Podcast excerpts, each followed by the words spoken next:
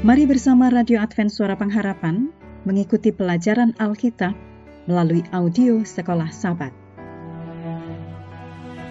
Selanjutnya kita masuk untuk pelajaran hari Kamis tanggal 9 Maret. Judulnya Warisan Spiritual.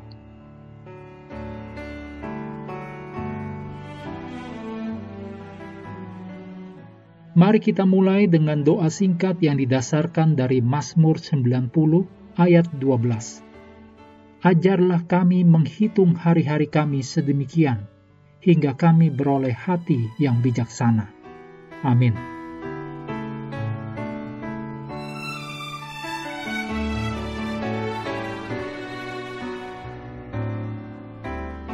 Meskipun sukar untuk mengetahui bagaimana rupa kehidupan di atas dunia kalau manusia tidak berdosa, satu hal yang dapat kita ketahui dengan pasti adalah tidak akan ada penimbunan, tidak ada ketamakan, tidak ada kemiskinan. Semua hal yang telah melanda dunia kita sejak awal catatan sejarah. Rasa kepemilikan kita akan hal-hal yang telah kita upayakan, dan jika kita melakukannya dengan jujur, adalah sepenuhnya benar milik kita, adalah satu manifestasi kehidupan dalam dunia yang telah jatuh.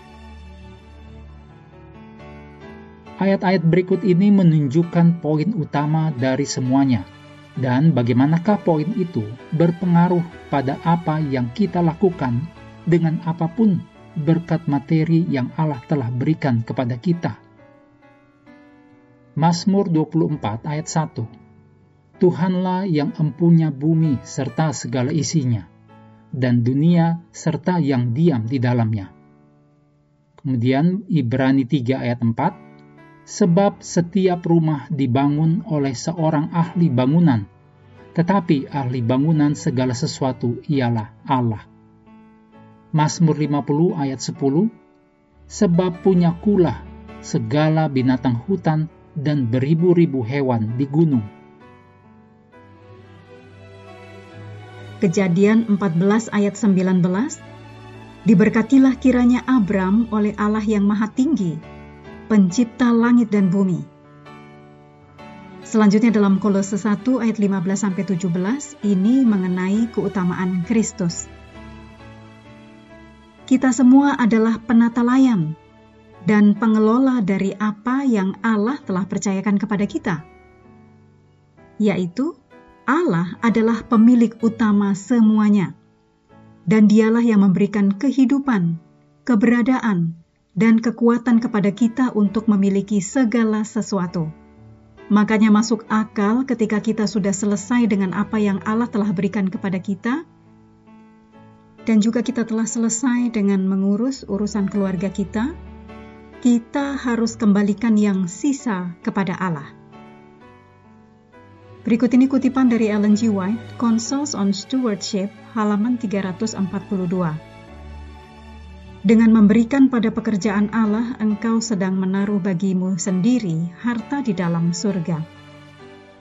Semua yang engkau simpan di surga itu aman dari segala mara bahaya dan kehilangan, dan bertambah menjadi suatu harta yang kekal dan abadi, dan akan dicatatkan pada namamu dalam kerajaan surga. Ada beberapa keuntungan memberi sekarang, sementara kita hidup.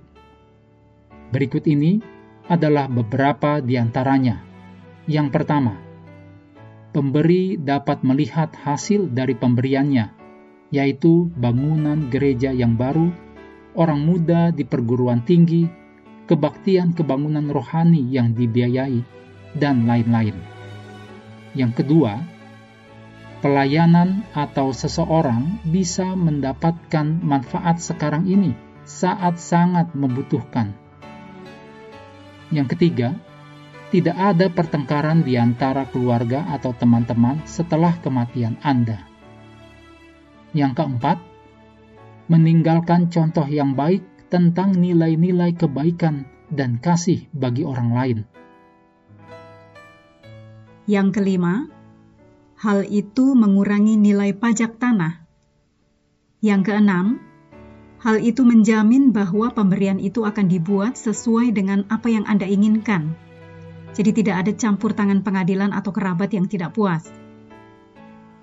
Yang ketujuh, hal itu menunjukkan bahwa hati si pemberi telah diubahkan dari cinta diri kepada tidak mementingkan diri.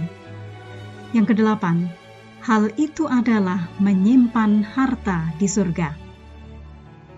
Mengakhiri pelajaran hari ini, Ayat hafalan terdapat dalam Wahyu 14 ayat 13. Dan aku mendengar suara dari sorga berkata, Tuliskan, berbahagialah orang-orang mati yang mati dalam Tuhan sejak sekarang ini. Sungguh, kata roh, supaya mereka boleh beristirahat dari jerih lelah mereka, karena segala perbuatan mereka menyertai mereka.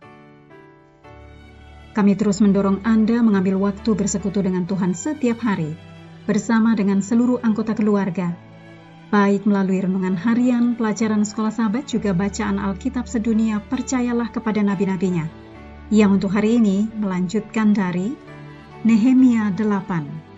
Tuhan memberkati kita semua.